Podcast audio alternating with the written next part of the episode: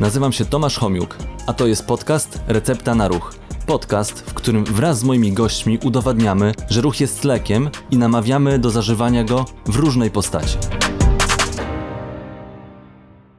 Cześć, witam Was w kolejnym odcinku podcastu Recepta na Ruch. Dzisiaj moim gościem jest Michał Skowron, Dzień dobry. e, trener personalny, trener przygotowania motorycznego. Od kiedy zajmujesz się trenowaniem ludzi? Już, dobra. Sam swoim treningiem też od kiedy? Okej, czyli ja trenuję mniej więcej już tak od 12-13 roku życia. Tata trenował na siłowni, był zawodowym żołnierzem, był w jednostkach specjalnych, więc dosyć szybko wprowadził nam jakąś aktywność fizyczną. Pamiętam, że nawet w kuchni mieliśmy zainstalowany drążek i każde wejście do kuchni, żeby coś zjeść, to musieliśmy się pięć razy na drążku podciągnąć i wychodząc z kuchni też to zrobić. Więc podciąganie na drążku dosyć szybko się poprawiliśmy. Później nam zrobił taką małą siłownię w piwnicy, tam zaczęliśmy sobie trenować. Więc tak regularne, takie systematyczne treningi na siłowni rozpocząłem gdzieś tak w wieku 14-15 lat, czyli po dwóch Mhm. latach takiej bawienia się z treningiem już zacząłem systematycznie trenować. Więc, a jako trener personalny pracuję mniej więcej od 2006 roku, Mhm. czyli już tak będzie koło tam 17-16 lat. Ale pracujesz e, głównie z osobami, które rekreacyjnie trenują, czy też masz jakichś sportowców E, e, pod opieką? Czyli pracuję zarówno i z takimi, i z takimi osobami. Czyli trenuję też z osobami, które potrzebują już dużo wyższego poziomu, jeżeli chodzi o skuteczność tego treningu, czyli są to osoby już zaawansowane, trenujące w sporcie wyczynowym, czyli na przykład moimi zawodnikami, chyba najbardziej taką znaną zawodniczką jest Anna Szymańska. Ona jest e, zawodniczką trójboju siłowego, startuje w trójboju siłowym klasycznym.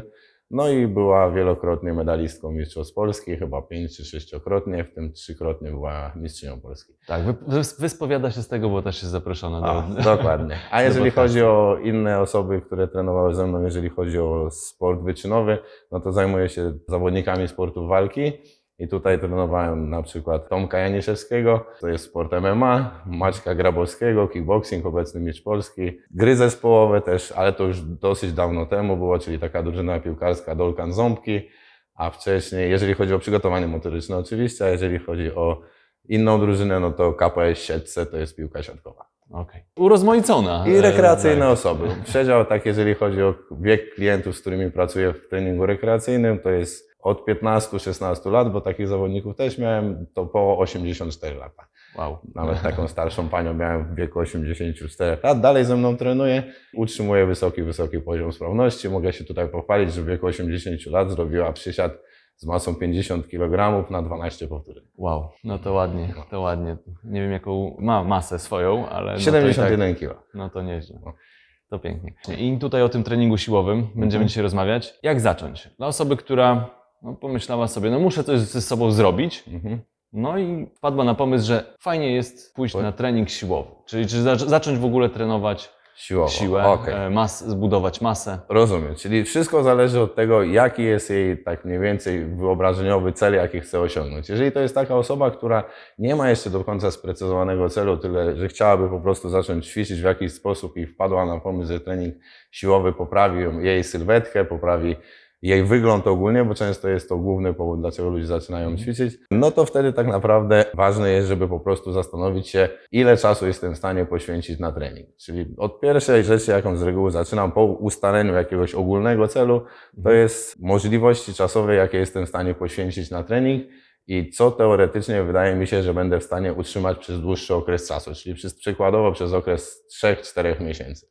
Większość osób z założenia może sobie pozwolić na trenowanie 2 do 3 razy w tygodniu i zazwyczaj dla osoby początkującej, rozpoczynającej proces treningowy czy rozpoczynającej treningi na siłowni, to taki trening 2-3 razy w tygodniu jest w zupełności wystarczający, żeby osiągać cele, które zostały na początku ustalone. No dobra, ale powiedzmy, uzgodniliśmy, że mam te dw- dwa, trzy razy w tygodniu. To ile taki trening przede wszystkim powinien trwać jako jednostka jedna treningowa? Mhm. Jak mam dobrać ilość powtórzeń, obciążenie, ilość Okej. serii, po to, żeby rzeczywiście ten efekt mi się pojawił w Dobra. miarę szybko. Rozumiem, dobra, to już mówimy. Czyli tak, Jeżeli chodzi o czas poszczególnego treningu, to tak naprawdę ten czas będzie stricte zależał od tego, jaką objętość treningową powinienem wykonać. Czyli ile serii, ile powtórzeń będę wykonywał. Zakładamy, że osoba jest początkująca, w związku z tym jej próg adaptacyjny, czyli tak jakby reaktywność na bodźce jest bardzo, bardzo nisko.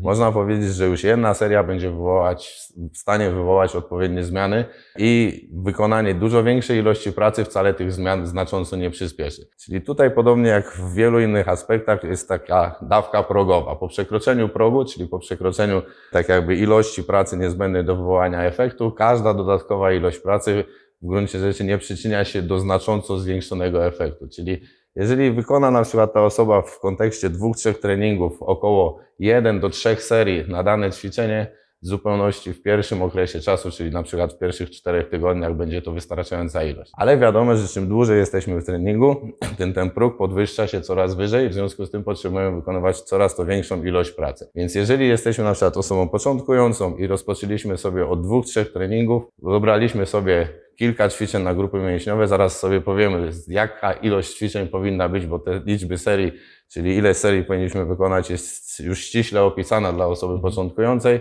to wykonujemy z reguły około 2 do 3 serii danego ćwiczenia z częstotliwością 2 do 3 razy w tygodniu i zazwyczaj przynosi nam to odpowiedni rezultat. Jeżeli teraz zastanowimy się, ile ćwiczeń należy wybrać, to dla osoby początkującej najczęściej zaleca się wybranie dosyć sporej gamy ćwiczeń, czyli jest to około 5 do 10 ćwiczeń z małą liczbą serii. Głównie przede wszystkim tutaj chodzi o to, żeby w jednym ćwiczeniu nie wykonywać zbyt dużej objętości, dlatego że mięśnie obsługujące ten ruch możliwe, że będą zbyt mocno przeciążone. Jeżeli dokonamy modyfikacji, czyli zamiast tej całej liczby serii, jaką mamy przeznaczoną na przykład na kończyny dolne, rozbijemy sobie tę liczbę serii na 2 do 3 ćwiczeń dla kończyn dolnych, to dużo łatwiej będzie się nam adaptować i mniejsze ryzyko przyciążenia aparatu ruchu wystąpi. Jeżeli wiemy, że osoba jest osobą początkującą, to w zupełności wystarczy około 6 serii roboczych w skali tygodnia dla danego mięśnia czy dla danej grupy mięśniowej, żeby zaobserwować pozytywny efekt. I czym dalej będziemy w ten trening szli, tym prawdopodobnie ta liczba serii będzie się zwiększać. Zazwyczaj 5-6 serii w skali tygodnia w zupełności nam wystarczy. Więc jeżeli na przykład zależy nam rozwoju mięśni kończyn dolnych, to wykonanie treningu 2-3 razy w tygodniu i na tym treningu wykonanie na przykład przysiadów albo wykroków w ilości 2-3 serii w zupełności nam pokryje to zapotrzebowanie na objętość, która jest niezbędna do zaobserwowania jakichś konkretnych rezultatów. I czym dalej w ten trening będziemy wchodzili, tym będziemy musieli stopniowo na przestrzeni czasu zwiększać objętość treningową, czyli albo dodawać powtórzeń, albo dodawać liczby serii, albo też zwiększać dodatkowo intensywność treningową, czyli stopniowo zwiększać ciężar. Wiadomo, że osoby początkujące zbyt dobrze nie będą reagowały na duże obciążenia, gdyż aparat ruchu, szczególnie ten bierny aparat ruchu, będzie troszkę dłużej potrzebował czasu na adaptację. W związku z tym najlepszym rozwiązaniem dla osoby początkującej w tym pierwszym etapie, w pierwszym miesiącu, dwóch miesiącach treningu jest stopniowe zwiększanie objętości treningowej, czyli stopniowe dodawanie liczby powtórzeń, liczby serii przy założeniu, że intensywność jest niska i niewiel, bardzo niewiele się zmienia na tej przestrzeni czasu tych 4-8 tygodni. A po tym czasie, czyli jak już się rozkręcimy, możemy stopniowo zacząć też zwiększać intensywność treningową, bo wiemy, że aparat bierny w okresie tych 4-8 tygodni pierwszego treningu na tyle się zaadaptował, że raczej nie będzie ulegał kontuzjom. Mówiłeś głównie o seriach. Mhm. Jak dobrać ilość powtórzeń w tych seriach? To już mówimy, teraz tak, czyli ilość powtórzeń będzie zależna ściśle od tego, jaki mamy cel. Zazwyczaj osoby początkujące w sporcie i ogólnie w rekreacji mówi się, że podstawowym celem powinna być taka w pierwszym etapie adaptacja anatomiczna, czyli przyzwyczajenie tkanki do oporu, e, do oporu zewnętrznego, do dużego poziomu napięcia. W związku z tym Zazwyczaj stosuje się niskie intensywności, czyli to są ze reguły intensywności rzędu 30-40% ciężaru maksymalnego, a jeżeli ktoś nie zna swojego ciężaru maksymalnego, to te intensywności z reguły dobieramy, można powiedzieć tak Mówisz trochę... o tym RM, tak? Czyli Tak, tak. ciężar, Ciężaru maksymal, maksymalny. maksymalny Tak, mogę... i na przykład jeżeli na raz podnoszę y, maksymalnie 100 kg, to 30-40% ciężaru maksymalnego to będzie ta intensywność, która będzie dobra na tym pierwszym etapie rozpoczęcia procesu treningowego, szczególnie u osoby rekreacyjnej, jeżeli chodzi o trening na siłowni. I zazwyczaj, jeżeli nie znamy naszego RM, czyli tego ciężaru maksymalnego, z którego liczyć moglibyśmy ten procent, to możemy sobie założyć, że ciężar, z którym osoba bez problemu jest w stanie wykonać 10-12 powtórzeń, to będzie ciężar odpowiedni dla rozpoczęcia procesu treningowego. Jeżeli widzimy, teoretycznie zakładając jakiejś osobie jakieś obciążenie, że ta osoba przy 10-12 powtórzeniu zaczyna mieć spore trudności z wykonaniem ruchu i nie wynika to głównie z zaburzeń koordynacji, tylko po prostu z braku siły mięśniowej, to znaczy, że ciężar w tym etapie jest troszeczkę zbyt duży. Dlatego najłatwiej jest założyć jak najlżejszy możliwy ciężar, zało- wykonać założoną liczbę powtórzeń, już zaraz powiem, dlaczego akurat takie wyższe zakresy będą dobre, i obserwować, co się dzieje w ostatnich powtórzeniach. Jeżeli widzimy, że osoba w ostatnich powtórzeniach radzi sobie bez problemu, nie występuje zmęczenie gigantyczne, nie drży, nie ma zaburzeń koordynacji, ruch wygląda drugi, tak samo jak i dwunasty, to znaczy, że ciężar raczej będzie odpowiedni na tym etapie. Jeżeli widzimy, że seria zaczyna przysparzać duże trudności, szczególnie ostatnie jeden-dwa powtórzenia, to w tym etapie raczej ten ciężar będzie za duży i warto go zmniejszyć. Ale jeżeli chodzi o liczbę powtórzeń, to zazwyczaj tutaj zalecenia mówią, że liczba powtórzeń powinna być od średniej do dużej liczby powtórzeń. Więc jeżeli mamy osobę na przykład całkowicie nie ruszającą się przez długi okres czasu, czyli przyjdzie na przykład osoba w wieku 50 lat, która przez 30 lat od ostatnich zajęć WF-u nic nie robiła, to raczej nie będziemy nawet na tych małych ciężarach wykonywali zakresów 10-15 powtórzeń, tylko, tylko zaczniemy sobie od małych zakresów 6-8 powtórzeń i na przestrzeni czasu, nie zwiększając intensywności, będziemy sobie dodawali po jednym powtórzeniu, e, tak żeby osiągnąć tam wartości wysokie, czyli 15 powtórzeń. Jak osiągniemy te 15 powtórzeń, możemy z powrotem zwrócić na 8 powtórzeń, delikatnie zwiększyć ciężar i na nowo dodając powtórzenia osiągnąć cel 15 powtórzeń i znowu się wycofując w ten sposób i idąc do przodu, zbudować program na przestrzeni tam 8-12 tygodni, który da już pozytywne efekty, szczególne takie efekty, które przystosują organizm do późniejszych, większych obciążeń niezbędnych do realizacji już poważniejszych celów, jak hipertrofia, czy siła maksymalna, czy tego typu rzeczy. No dobrze, to tutaj wiesz, dużo, dużo informacji, liczenia. Na szczęście to jest podcast, czy, czy na YouTubie też można, więc, więc jak ktoś nie do końca zrozumiał, to może sobie nawet przewinąć. Dokładnie. Także oprócz samej tutaj dopasowania ilości powtórzeń, obciążenia, ilości serii, po to się idzie do trenera personalnego, Mhm. żeby ktoś nauczył techniki wykonywania tych ćwiczeń Dokładnie. i czy ta technika jest tak super ważna? Czy musi być idealnie wykonane ćwiczenie technicznie, czy raczej nie powinniśmy aż tak bardzo na to zwracać uwagi Okej. i, i za wszelką cenę wykonać to książkowo? To już mówię, czyli jeżeli chodzi o technikę ćwiczeń, to rzeczywiście w ostatnich latach, szczególnie tak w ostatnich 5-10 latach, jak obserwuję, jeżeli chodzi o informacje pojawiające się w internecie dotyczące jakości ruchu czy techniki ruchu, to bardzo jest duży boom na to, że ta technika powinna być idealna. Czy badania naukowe to potwierdzają? Okazuje się, że nie, że nie do końca. Tak naprawdę bardzo wiele wyczynowych sportowców, na nawet najwyższej rangi sportowców, jak popatrzymy sobie na na przykład na ciężarowców z lat 80., 90., którzy podnosili ogromne ciężary, to widzimy często, że podnosząc te ogromne ciężary, na przykład w przysiadzie, ich kolana wpadają do środka, stopy krawędzią na wewnętrzną krawędź, a mimo tego nie odnosili oni aż tak dużej ilości kontuzji i byli mistrzami świata, czyli Tak. pozwoliło im to, mimo tego, że wykonywali te ruchy nie do końca tak, tak idealnie, jakby ci się wydawało książkowo, to i tak te osoby były w stanie osiągnąć mistrzowski poziom w swojej dyscyplinie i przetrwać 20 lat wyczynowego treningu bez wyraźnego uszczerbku na zdrowiu, bo kontynuowali ten trening i osiągali te wyniki, więc samo to pokazuje, że dali radę ten proces przetrwać. Ale jeżeli chodzi o osobę początkującą, to moim zdaniem koncentrowanie się w stricte, w 100% całej naszej uwagi na tym, jak wygląda ruch, może spowodować na dłuższą metę, że ta osoba nie będzie trenowała tego, co powinna trenować. Powinna przede wszystkim zwiększyć obciążenie mięśni, czyli spowodować napięcie na tkance i to napięcie utrzymać przez jakiś określony czas, co dają powtórzenia i serii. Czy te mięśnie będą idealnie ustawione, czy kończyny będą idealnie ustawione tak, jak powinny być w danym ćwiczeniu, nie będzie miało z punktu widzenia efektu treningowego aż tak dużego znaczenia. Ono może mieć to ta technika może mieć wpływ na długoterminowy proces treningowy, bo wiadomo, jeżeli będziemy wykonywali ruch w zły sposób za każdym razem, to te zmiany przyciążeniowe w końcu spowodują kontuzję. Ale jeżeli jest to osoba początkująca i samo to, że wykonuje powtórzenia, jej serce bije, przyspieszony jest oddech, to już dla niej jest wysoki poziom stresu. Jak dodatkowo będzie musiała się koncentrować na każdym elemencie swojego ciała, to możliwe, że przeciąży się psychicznie i zniechęci. I spowoduje to po prostu to, że albo zmieni trenera, albo stwierdzi, że za dużo tego wszystkiego i dla niej to jest W ogóle zrezygnuje. zbyt, zbyt duże po prostu wyzwanie ten trening. A jeśli patrzymy sobie na trening siłowy, no to z, z reguły każdy sobie kojarzy, no skoro trening siłowy, to siłownia. Czy można w inny sposób osiągać te efekty? Tak, jak najbardziej. Czyli jeżeli chodzi o trening siłowy, to tak naprawdę można stosować różnego rodzaju opór zewnętrzny i tak naprawdę ten opór zewnętrzny nie musi być związany z e, zewnętrznym obciążeniem. Oporem, który do, do, tak jakby wytwarzamy na, dla naszego organizmu, może być nasze własne ciało. Przykładowo, jeżeli ktoś dawno bardzo nie ćwiczył, ma słabe kończyny dolne e, i ćwiczenie takie jak przysiad na dwóch nogach jest w stanie wykonać próbując na 100% zrobić jak najwięcej powtórzeń, może wykona 15 i nie więcej powtórzeń, to raczej masa ciała dla tej osoby jest obciążeniem w zupełności wystarczającym, w szczególności w początkowym etapie treningu. Podobnie z ćwiczeniami dla obręczy barkowej. Proste ćwiczenie pompka.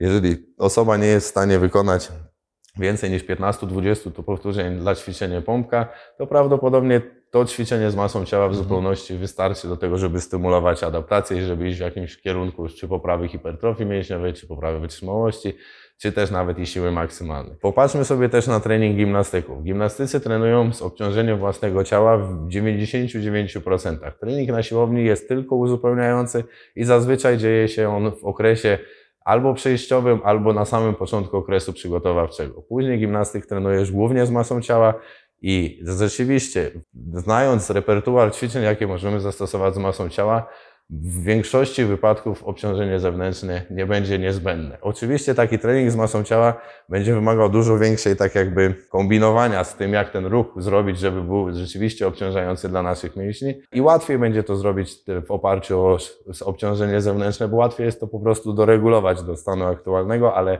masa ciała jak najbardziej może być dla nas dobrym obciążeniem do osiągania celów zarówno sylwetkowych, jak i celów poprawy cech motorycznych, jak wytrzymałość siłowa, siła maksymalna czy hipertrofia mięśniowa. Bardzo fajnie pokazał też okres tej pandemii, w której były wszystkie siłownie pozamykane i wielu zawodników czołowych, nawet zawodników w kulturystyce, którzy naprawdę mają gigantyczną masę mięśniową, dawali radę przynajmniej działać z masą ciała na takim poziomie, żeby podtrzymać efekty i nie stracić tych efektów Mhm. długoletniej, wieloletniej pracy treningowej. Więc jak najbardziej masa ciała bez problemu pozwala nam na osiąganie celów. No tak, ale to wydaje mi się, że jest pewna granica.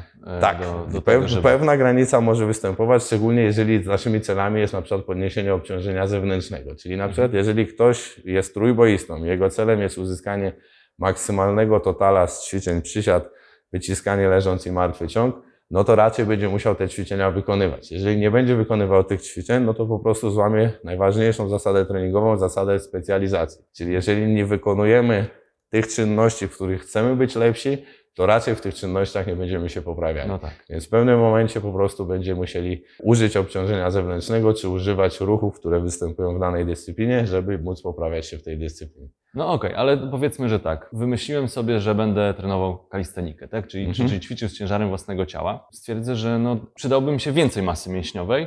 W jaki sposób mam skojarzyć, że no to już to mi nie wystarczy. Ciężar własnego ciała mi nie wystarczy, że jest ta granica, gdzie muszę się wziąć Okej. za, za obciążenie zewnętrzne. Dobrze. Gdzie, w jakim momencie znajdujemy te, te granice, że należy podnieść bodziec treningowy, Mhm. żeby osiągnąć zamierzony efekt? Okej, to, już, to już tłumaczymy. Czyli tak, najważniejsze, w zależności od tego też właśnie jaki efekt będę chciał uzyskać. Czyli na przykład efekt, jaki chcę uzyskać, to jest zwiększona hipertrofia, czyli rozbudowa masy mięśniowej i po pewnym okresie trenowania z masą ciała stwierdzam, że ciężko już mi znaleźć repertuar środków taki, żeby uzyskać takie obciążenie organizmu, żeby dalej ten efekt, który chcę osiągnąć, móc obserwować. Czyli Tak. dalej widać progres, jeżeli chodzi o hipertrofię mięśniową. Pierwsza rzecz, co najważniejsze, trzeba się zastanowić, co najbardziej wpływa na tą hipertrofię mięśniową. I tutaj badania mówią, że najważniejszym czynnikiem jest robić więcej, czyli zwiększać objętość treningową. Więc jeżeli widzimy, że dany trening nie przynosi nam już rezultatów, czyli stoimy z naszą wagą i nasze obwody się nie zmieniają, powinniśmy zwiększyć objętość treningową, czyli najprzysłowy, najprościej mówiąc, dodać liczby serii. Czyli na przykład jeżeli wykonywaliśmy sumarycznie około 14 serii pompek w skali tygodnia, powinniśmy zwiększyć tą liczbę serii o 2-3 serie dodatkowo, czyli dojść do przykład na przykład 18-20 serii i prawdopodobnie po zwiększeniu tej objętości, przy założeniu, że wariant pompki, jaki wybraliśmy, jest takim wariantem, który pozwala mieścić się w przedziale 5-30 powtórzeń, to ten wariant pompki raczej pozwoli nam dalej rozbudować hipertrofię obręczy barkowej. Czyli pamiętajmy też, że intensywność, czyli tak jakby poziom trudności ćwiczenia musi być w odpowiedni sposób dobrany. Czyli ćwiczenia, w których jesteśmy w stanie bez problemu wykonać 30 powtórzeń albo więcej, idąc na maksa, raczej już nie będą dobrym narzędziem do rozbudowywania hipertrofii. Więc jeżeli na przykład w pompce z rękami na podwyższeniu, czyli na przykład opierając się stopami na ziemi, rękami na stole, robimy bez problemu 30 powtórzeń, prawdopodobnie będziemy musieli zejść z kątem pompki niżej, czyli ręce schodzą na ziemię, pompka zaczyna być pompką na ziemi, a nie na podwyższeniu. Jeżeli tam nie jesteśmy w stanie zrobić 30 powtórzeń, to raczej będzie to ok ćwiczenie do tego, żeby budować dalej hipertrofię. Jeżeli zwykła pompka nie wystarcza, to podnosimy nogi wyżej i znowu pompka staje No się tak. trudna. Czyli szukamy takich wariantów ćwiczeń z masą ciała, które nie pozwalają na wykonanie powtórzeń więcej niż 30 serii. I jeżeli hipertrofia zaczyna się zatrzymywać, na przestrzeni czasu dodajemy liczbę serii. Tu jest też jeszcze ważny tak jakby czynnik, bo w pewnym momencie nie będzie się dawało już dodawać. Nie będzie Czyli- czasu na tę serię. Tak, I tutaj właśnie fajne są wprowadzone tak zwane landmarki, jeżeli chodzi o objętość. E, Pierwszy landmark to jest main times volume, czyli inaczej objętość niezbędna do utrzymania tego, co osiągnęliśmy. I zazwyczaj ta objętość jest najniższa. W skali większości grup mięśniowych będzie to około 6 serii, w założeniu, że te serie będą z odpowiednim obciążeniem w skali tygodni. Jeżeli chodzi o drugi, tak jakby poziom dla objętości, czyli troszkę wyższa objętość, która daje jakieś określone efekty, to jest minimal effective volume, czyli minimalna e, objętość treningowa, która pozwala na obserwowanie progresu, czyli już nie tylko stoimy w miejscu, ale delikatnie progresujemy. I to jest wszystko coś, co jest wyższe niż ta pierwsza, niż ten pierwszy mark, landmark. Czyli zazwyczaj będzie to od 6 do około 8-10 serii na daną grupę mięśniową. Wiadomo, większe grupy mięśniowe będą potrzebowały bliżej tego górnego zakresu, mniejsze grupy bliżej dolnego. E, Jeżeli kolejnym, tak jakby popatrzymy landmarkiem, jeżeli chodzi o objętość, będzie Maximal Adaptive Volume, czyli maksymalna objętość, przy której jeszcze obserwujemy pozytywną adaptację. I ostatnim, najważniejszym, takim najgórnym granicznikiem dla naszej objętości, po przekroczeniu którego raczej będziemy się cofać w treningu już, a nie progresować, to będzie maksymalna objętość treningowa, z której jesteśmy się w stanie zregenerować. Czyli przykładowo dla większości grup mięśniowych 6 serii na tydzień to będzie ta objętość podtrzymująca, 6 do 8 serii, 6 do 10 serii to będzie tam minimalna objętość, przy której widzimy progres. Około 10, 14, 10, 16 serii to będzie ta objętość, która pozwala nam na maksymalne tempo przyrostów, czyli maksymalną adaptację. I granica, po której przekroczeniu będziemy już widzieli tylko i wyłącznie mala adaptację, czyli e, tak jakby spadek formy sportowej, zmniejszanie obwodów mięśni wbrew pozorom, to będzie objętość wszystko powyżej 20-25 serii dla danego ruchu czy dla danej grupy mięśniowej. Mhm. I naszym celem jest poruszać się od najmniejszej skutecznej dawki do, Do największej, którą jesteśmy w stanie stolerować. Ale jeżeli jesteśmy osobami, którym nie zależy na aż tak bardzo dynamicznym progresie, czyli naszym celem jest zanotować progres, ale nie musi to być najszybszy progres możliwie jak najkrótszym czasie, to w zupełności wystarczy nam się poruszanie powyżej tej objętości, która pozwala na podtrzymanie, czyli zastosowanie minimal effective volume pozwoli nam się rozwijać na przestrzeni bardzo długiego czasu. E, Fakt, że tempo tego rozwoju nie będzie aż tak bardzo dynamiczne. No, zależne ile czasu mamy Tak, też tak, tak, naprawdę. tak. I jak, jak mniej więcej, jaki okres czasowy wyznaczyliśmy sobie do osiągnięcia danego celu. Mhm. Jeżeli na przykład ktoś stwierdził, rozpoczynając pracę na siłowni, że w ciągu roku chce poprawić swoją masę mięśniową o 20 kg, a jest osobą początkującą i jest to całkiem możliwe, w szczególności jeżeli to jest młoda osoba, to będzie prawdopodobnie musiała się poruszać w tych górnych przedziałach na przestrzeni czasu, dlatego że te dolne przedziały nie pozwolą e, uzyskać tak szybkiego progresu w tak krótkim okresie czasu. Wiadomo, że w sporcie wyczynowym zazwyczaj będzie to górna granica, czyli wszystko, co jesteśmy w stanie się w stanie z, z tego zregenerować, będzie dla nas czymś Najlepsze. pozytywnym. I oczywiście sportowcy też będą wchodzili pod ten górny próg i powyżej tego górnego progu, wykorzystując okresy e, tak zwanych deloadów, czyli pracy ze zmniejszonym obciążeniem treningowym.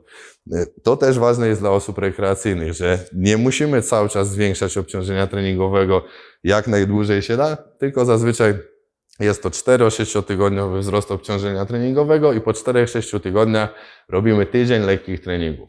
Ten tydzień lekkich treningów pozwala znowu nam się uwrażliwić na trening, czyli znowu e, spada tak jakby ilość serii potrzebnych do wykonania, żeby zanotować progres, pozwala zmniejszyć napięcie psychiczne, pozwala zregenerować Zregenerować się biernemu aparatowi ruchu, zregenerować się mięśniom i znowu się uwrażliwić na bodźce. To Czyli nie cały czas pod górkę, tylko Tak. trzeba czasami Dokładnie, to fajnie kiedyś opowiedział e, taki trener Paweł Caculin.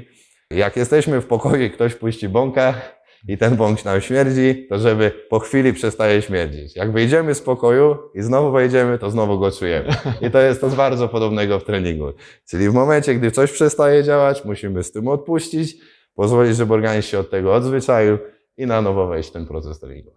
Okej, ale nie- jako trener personalny, oprócz tego, że pokazujesz ćwiczenia, wyliczasz obciążenia treningowe, dopasowujesz te, te obciążenia w zależności od celu, jaki chce się Mhm. osiągnąć, to czy też e, doradzasz w, kwestii, w kwestiach żywieniowych, czy raczej posiłkujesz się, od, oddajesz Do do dietetyka. dietetyka? To teraz tak, jeżeli jest to osoba całkowicie początkująca i wcześniej nie miała nic wspólnego jakiegoś, nawet nie wie czym są węglowodany, czym są tłuszcze, czy są białka, po prostu dla niej jedzenie to było jedzenie i ważne, żeby było dobre, to zazwyczaj taka osoba nie będzie potrzebowała jakoś super specjalistycznej diety. Wystarczy, żeby się zastanowiła nad tym, czy spełnia podstawowe zasady żywieniowe. Jeżeli chodzi może nie z punktu zdrowia, ale z punktu e, efektywności treningowej, najważniejszym czynnikiem, który będzie determinował to, czy będziemy osiągali sukces, będzie odpowiedni kalorii balans, czyli tak jakby zapotrzebowanie kaloryczne. Czyli jeżeli chcemy zwiększyć swoją wagę, prawdopodobnie będziemy musieli wieść więcej kalorii niż wydatkujemy. Jeżeli chcemy, żeby nasza waga była stabilna i chcemy uzyskać rekompozycję, czyli poprawić na przykład wygląd sylwetki bez zmiany masy sylwetki w jedną czy w drugą stronę, no to zazwyczaj będziemy stosowali kaloryczność na poziomie naszego wydatku energetycznego.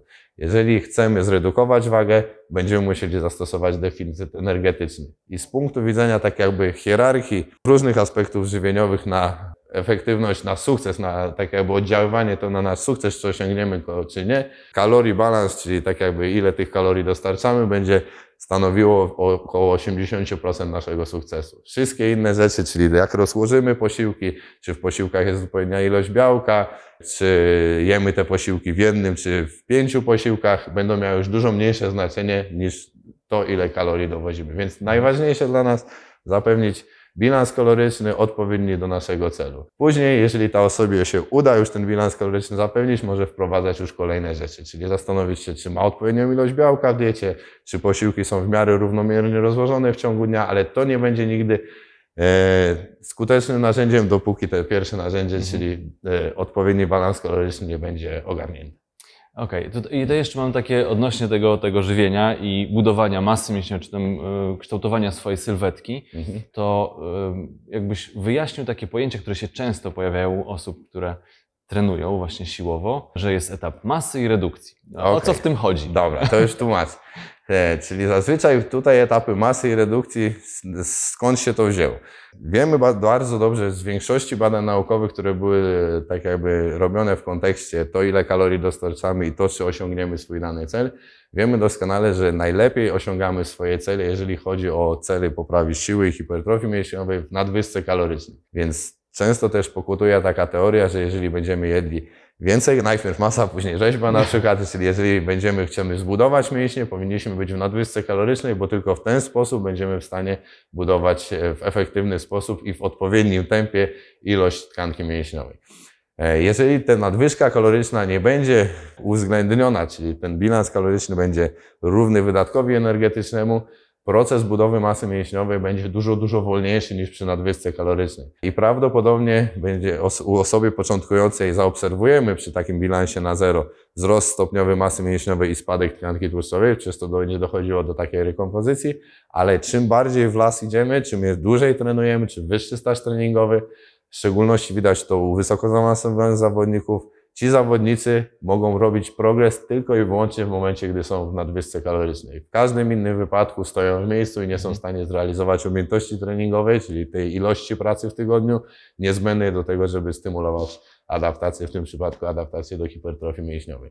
Jeżeli chodzi o redukcję, tu tak samo. Jeżeli nie zapewnimy odpowiedniego deficytu energetycznego, raczej naszej redukcji nie uda nam się osiągnąć. I teraz tą, ten deficyt energetyczny możemy osiągnąć w różny sposób. Możemy obciąć ilość kalorii i zachować ilość ruchu taką, jaką trzymaliśmy i w ten sposób redukować wagę.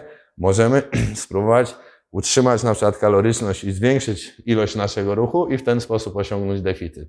E, W większości wypadków skuteczniejszy jest ten drugi sposób, czyli nie starajmy się obcinać drastycznie z kalorii, szczególnie jeżeli widzimy, że już te kalorie są nisko i zaczynają być poniżej podstawowej przemiany materii. Lepiej jest dodać ilość e, treningu. Najprościej, jeżeli chodzi o taki trening, który nie będzie wywołał zbyt dużych uszkodzeń w naszym organizmie w kontekście regeneracji wydłużonej w związku z tym, to będzie trening niskointensywny, wydolnościowy, czyli takie low impact cardio, jak właśnie jazda Mhm. na rowerku, chodzenie na bieżni, e, wysiłki, w których nie ma fazy lotu, uderzenia, czyli bardzo lekki truch na przykład, albo masz pod górkę na bieżni.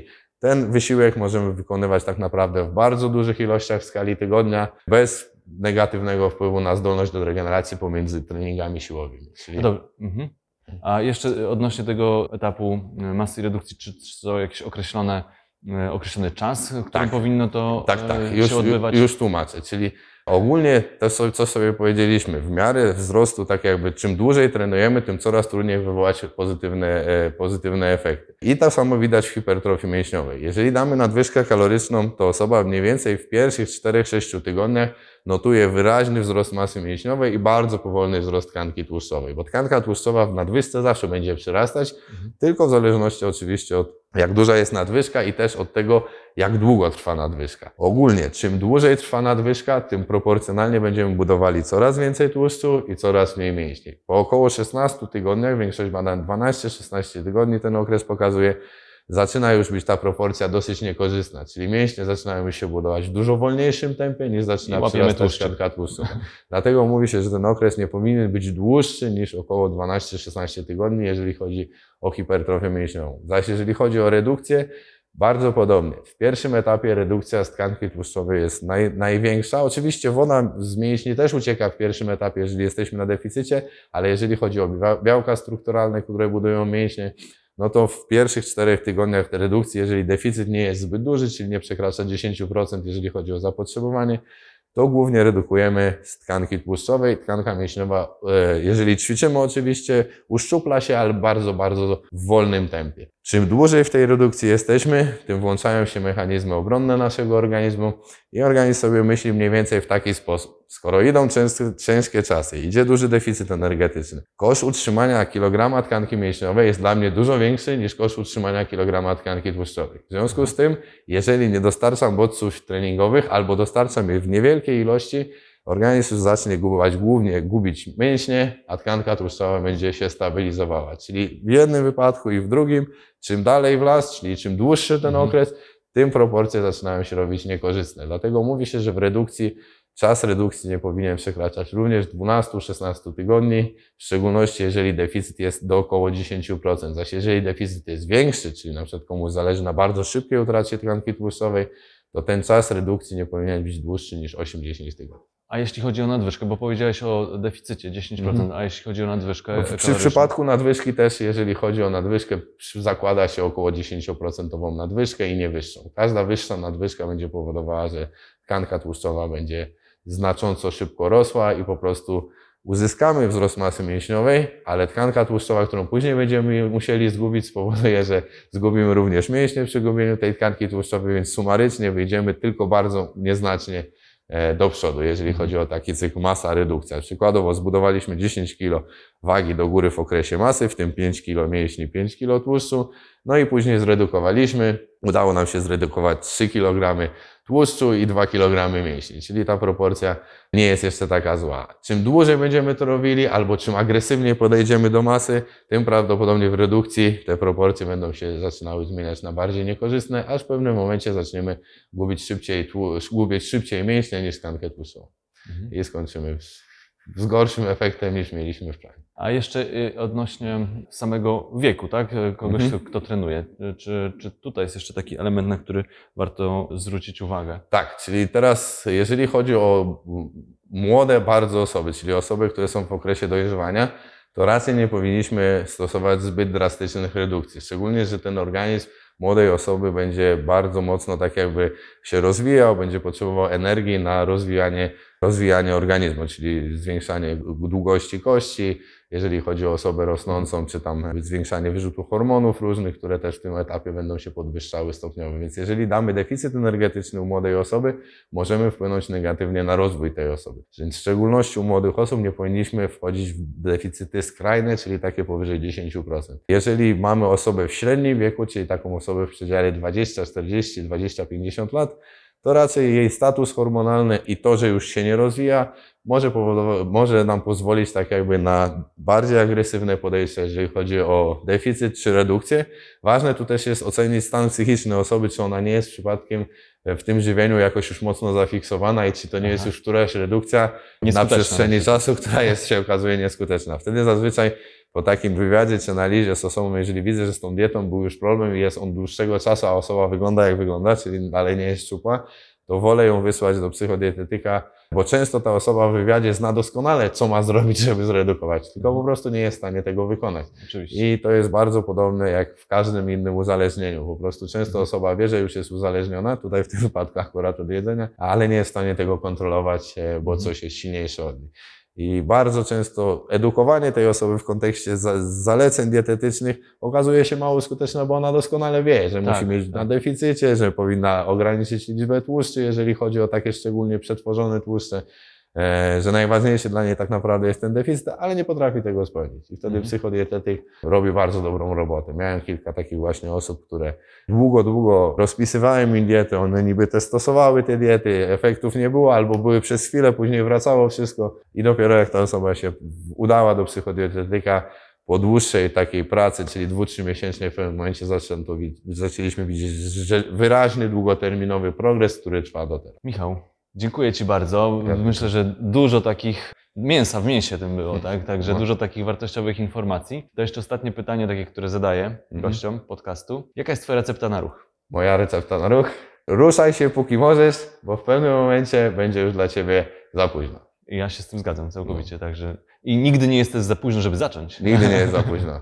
Nawet w 90-letnich staruszek robią trening siłowy, który okazuje się, że wynosi pozytywne rezultaty na gęstość kości, na wzrost masy mięśniowej i rozpoczynały w tym wieku i dały radę. Dziękuję Ci, Michał, bardzo. Dziękuję. I przypominam, podcast jest co środę o godzinie 12, także zapraszam do, do oglądania, komentowania, oceniania. Dzięki, cześć. Hej.